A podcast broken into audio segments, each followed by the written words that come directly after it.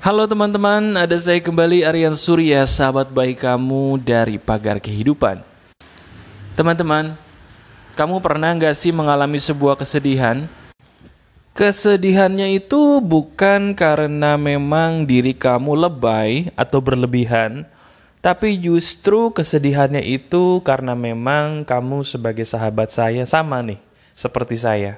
Kita sedih karena memang kita manusia biasa. Coba saya tebak ya.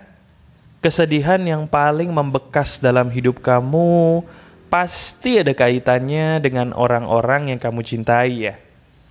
Orang-orang tersebut kamu cintai, tapi sayangnya orang itu sudah tidak ada lagi dalam hidup kamu. Nah, sekarang pertanyaan kamu sama seperti pertanyaan orang-orang di luar sana. Mas, saya ingin move on dari sebuah kenangan indah yang sekarang sudah tidak bisa terulang lagi. Saya ingin bebas dari perasaan-perasaan sedih atas sebuah hal-hal yang mungkin gak bisa saya balikin lagi karena orangnya udah gak ada. Tolong saya mas, bagaimana cara move on yang benar akan sebuah kenangan-kenangan indah yang tidak bisa terulang kembali. Begini, untuk bisa mengobati move on yang benar, saya ingin bercerita dulu supaya kamu paham sepaham-pahamnya ya. Ada sebuah cerita dari teman saya. Teman saya ini adalah orang yang sangat dekat dengan keluarganya. Dia orangnya suka bepergian bersama keluarganya dari satu kota ke kota yang lain. Pada suatu saat dia ke Bandung, teman-teman. Dia di Bandung menginaplah dia di hotel namanya kita sebut saja Hotel X. Di Hotel X ini mereka satu keluarga sangat bahagia. Mereka memberikan sebuah cinta antara satu dengan yang lain dengan cinta kasih yang tulus sehingga terciptalah memori-memori indah di Hotel X tadi antara satu dengan yang lainnya sebagai anggota keluarga yang utuh, yang bahagia. Nah sayangnya, beberapa tahun kemudian ada sebuah hal yang menyedihkan terjadi. Hal itu adalah salah satu anggota keluarganya tadi dipanggil Tuhan. Sekarang coba sampai sini dulu. Apakah kamu juga pernah mengalami apa yang teman saya alami tadi? Kamu punya keluarga, punya teman, atau punya orang yang kamu sayang sebagai pasangan mungkin, tapi entah kenapa dia pergi dipanggil Tuhan di waktu yang benar-benar tidak bisa kamu duga sama sekali. Pernah nggak mengalami itu? Pernah ya? Kalau pernah, atau mungkin sekedar ngebayangin saja, sudah kebayangkan betapa sedihnya teman saya tadi? Ya, sesedih itu. Nah kemudian apa yang terjadi dengan teman saya tadi? Dia punya semacam trauma traumanya bukan sama orang, traumanya bukan sama sebuah barang, tapi dia trauma melewati Hotel X tadi. Aneh ya, padahal Hotel X nggak salah apa-apa, baik-baik aja. Tapi kenapa Hotel X tadi menyebabkan dia menjadi trauma? Jawabannya karena dia memiliki memori yang sangat indah di tempat tadi dan itu tidak bisa terulang lagi untuk selama-lamanya. Sehingga kalau dia melewati Hotel X tadi, ada sejuta kenangan indah di dalam pikiran dia yang membuat dia menjadi sedih bukan kepalang, membuat dia menjadi ngerasa hidupnya hancur, berkeping-keping karena orang yang dia cintai, anggota keluarganya sudah pergi untuk selama-lamanya. Nah sekarang saya ingin coba kamu katakan kepada saya. Apakah kamu juga pernah mengalami yang teman saya rasakan tadi? Pernah nggak sih kamu melewati sebuah tempat atau mungkin melihat sebuah barang gitu ya? Terus kamu jadi takut. Takutnya bukan kayak ngelihat hantu, bukan. Tapi takutnya kamu tuh kayak ngerasa banyak memori-memori yang terkilas lagi di dalam pikiranmu. Ada flashback memori-memori dulu bersama orang-orang yang kamu cintai atau mungkin bersama orang-orang yang salah gitu ya juga bisa dan kamu tidak ingin kamu sedih tapi nggak bisa mas karena setiap kali saya melewati tempat itu melihat benda itu, itu semua memori balik lagi dan itu menyiksa saya. Pernah kamu mengalami itu ya? Itulah yang disebut dengan trauma akan memori. Nah, trauma akan memori inilah yang menyebabkan seseorang itu susah untuk move on dari kehidupannya sendiri.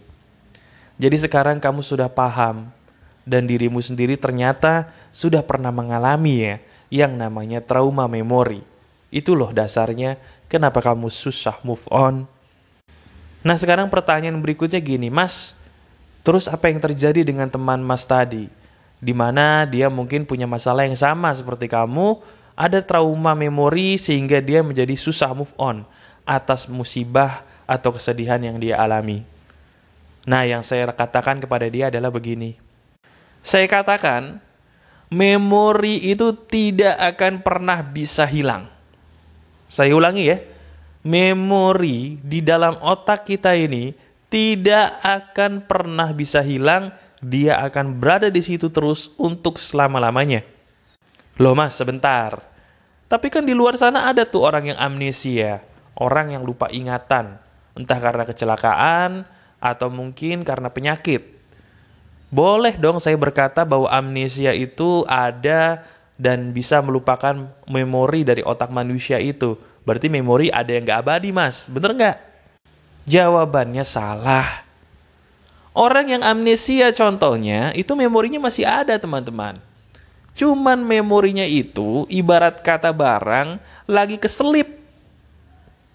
Ibarat kata kamu punya dokumen, dokumennya kamu taruh di sebuah tempat yang nggak kelihatan, keselip. Nah itu orang amnesia. Makanya orang amnesia itu kan kalau kita lihat di film-film, lama-lama dia bisa teringat lagi kan? Teringat lagi sekilas, dua kilas, tiga kilas gitu, walaupun butuh waktu. Tapi lama-lama bisa ingat. Kenapa? Karena memorinya tetap ada, cuma nyelip. Dan itu yang membuktikan memori tidak akan pernah bisa hilang, akan ada di otak kita selama-lamanya. Jelas ya? Nah sekarang, kalau memori terus ada di dalam otak kita selama-lamanya, Mas, bagaimana cara saya move on? Saya ini pengen lepas dari situasi yang menyedihkan ini. Bagaimana caranya, Mas? Saya capek. Caranya adalah dengan memahami bahwa pikiranmu itu, memorimu itu tidak bisa hilang. Makanya nggak usah sibuk dihilangin, tapi diapain? Betul, ditimpa dengan sebanyak mungkin memori baru. Itu dia solusinya. Itu yang saya suruh teman saya tadi lakukan. Saya bilang sama dia, bro, lo memang punya kenangan indah di Hotel X tadi tapi yang membuat lo tidak bisa move on adalah apa? Setiap kali kamu mau melewati hotel X, lo selalu menghindar. Sekarang daripada menghindar, gue tantang diri lu, saya suruh dia untuk menciptakan memori indah sebanyak mungkin di tempat yang membuat dia trauma tadi. Dia kaget. Hah? Ya bagaimana mungkin? Iya kan? Secara dia itu lewat aja takut, kok disuruh masuk? Iya kan, disuruh masuk terus ciptain memori indah. Bagaimana caranya? Kan gak masuk akal. Nah, bagi saya, yang namanya trauma itu gak akan bisa sembuh kalau tidak dihadapi. Ulangi perkataan saya, ini penting ya, dengerin. Trauma itu tidak akan pernah bisa sembuh kalau tidak dihadapi.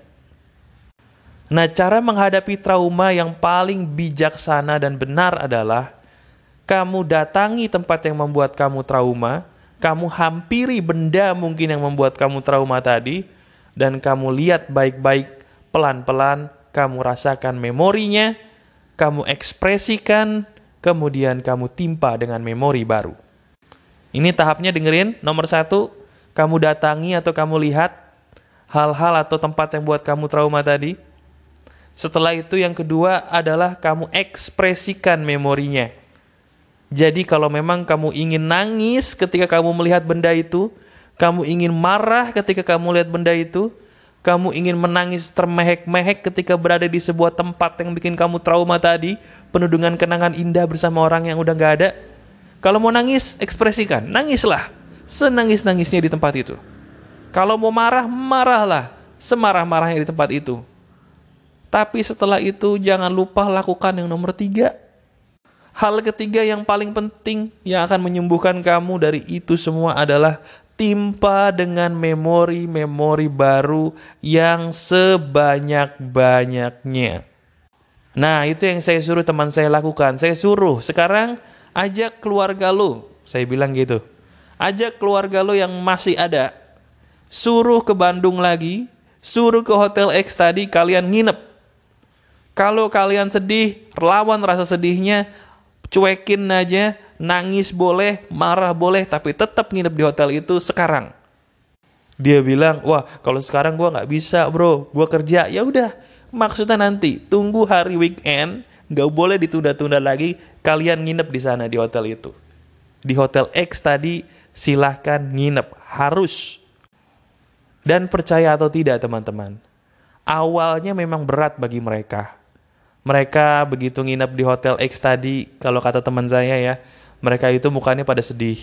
Wajar ya, karena ada seseorang yang sudah meninggal, tidak bisa nginep di situ lagi bersama mereka. Itu wajar. Tapi saya bilang, kamu ingatkan kepada mereka ketika mereka di tempat atau memegang sebuah benda yang ada memori buruk, mau nangis, mau sedih, jangan dilawan, ekspresikan. Gak boleh dilawan, ekspresikan. Nah, singkat cerita, saya suruh mereka ciptakan memori di sana sebanyak-banyaknya. Jangan cuma satu hari, kamu cari hari lagi berikutnya, nginep lagi di situ bareng-bareng, ciptakan memori-memori baru sebanyak-banyaknya. Dan kamu percaya teman-teman apa yang terjadi? Ya, tiba-tiba dia bilang kepada saya, Bro, makasih banget ya. Sekarang gua udah berdamai dengan hidup gua sendiri. Sekarang gua kalau lewat Hotel X lagi, Hotel X itu sudah tidak menjadi sesuatu hal yang menakutkan buat gua. Coba bayangkan teman-teman, Orang yang tadinya punya trauma bisa sembuh menggunakan cara sederhana yang saya ajarkan tadi. Sekarang coba bagaimana dengan kamu? Kalau saya bisa, teman saya bisa, kamu pun harusnya bisa karena kita sama-sama manusia. Sekarang coba timpa memori-memori yang salah tadi dengan memori-memori baru di tempat yang sama pada sebuah benda yang sama kalau itu berupa benda. Cara nimpanya dengan memori baru maksudnya gimana mas? Terserah, memori itu nggak harus kamu buat-buat supaya happy kok. Kalau memang belum happy, ya udah nggak usah dipaksain happy. Yang penting apa? Memorinya diperbanyak di situ. Mau cuman sekedar kamu nonton sendirian, mau cuman kamu sekedar makan di kamar, kalau tadi konteksnya kayak teman saya, mau cuman kamu sekedar lompat-lompat di kasur, Mau cuman sekedar kamu berenang di kolam renang hotel tersebut, apa pun terserah. Nggak harus kamu happy dalam sekejap, nggak. Yang penting memorinya dibanyakin di tempat tersebut. Kamu punya kenangan yang salah dengan teman-teman kamu yang salah. Ya, setiap kali kamu mungkin keluar kota ke kota, anggap aja kota Cirebon gitu ya. Dulu kamu pernah naik gunung sama teman-teman kamu di kota Cirebon Terus tiba-tiba sekarang temen kamu ada yang sudah meninggal, mohon maaf ceritanya. Terus sekarang kamu gak berani lagi ke Cirebon. Kenapa mas? Ada kenangan indah sama teman saya yang udah gak ada mas. Sekarang kamu gak boleh gitu. Pakai tiga poin cara yang saya ajarkan tadi. Pertama apa? Betul, hampiri. Hampiri, hadapi tempat atau benda yang membuat kamu trauma tadi. Ya. Yang kedua, ekspresikan ekspresikan apa yang bisa kamu ekspresikan ketika berada di sana atau ketika melihat memegang benda tersebut. Kalau pengen marah ya marah, pengen nangis yang nangis, senangis-nangisnya tidak usah ditahan. Ekspresikan se-ekspresi ekspresinya. Jelas? Yang ketiga, baru timpalah memori tersebut dengan memori-memori baru sebanyak-banyaknya itu yang akan memulihkan kamu. Karena memori lama tertimpa dengan memori-memori baru. Itu yang membuat kita seolah-olah lupa. Padahal kita tidak lupa. Kita hanya menimpa memori lama dengan sebanyak mungkin memori baru. Itulah penjelasan ilmiahnya mengenai orang bisa move on. Jelas. Kalau memang kamu jelas, sekarang tugas kamu adalah mempraktekkan apa yang saya katakan ini. Kalau memang diri kamu benar-benar terbantu dan diri kamu secara tidak sadar menangis mendengarkan apa yang saya katakan ini, bagus. Berarti diri kamu sebenarnya sangat mengetahui bahwa apa yang saya katakan ini benar ya. Sekarang lakukan yuk, mumpung ini semua belum terlambat, mumpung diri kamu masih punya umur, semua masih ada waktu. Lakukan apa yang saya katakan di podcast ini atau di video ini mungkin secepat-cepatnya ya. Katakan kepada saya di bagian komentar kalau ini di video YouTube, katakan di bagian komentar apa yang akan terjadi dalam hidup kamu ketika kamu melakukan ini semua. Dan kalau kamu mendengarkan ini di podcast, di Spotify, silahkan sebarkan podcast ini ke teman-temanmu supaya mereka sadar seperti kamu ya. Saya selalu mencintai kamu teman-teman. Kamu adalah sahabat baik saya yang selalu amat sangat saya cintai. Masih ada saya Aryan Surya, sahabat baik kamu dari pagar kehidupan. Tetap keep spirit, keep sharing, and keep laughing. Bye-bye. I love you.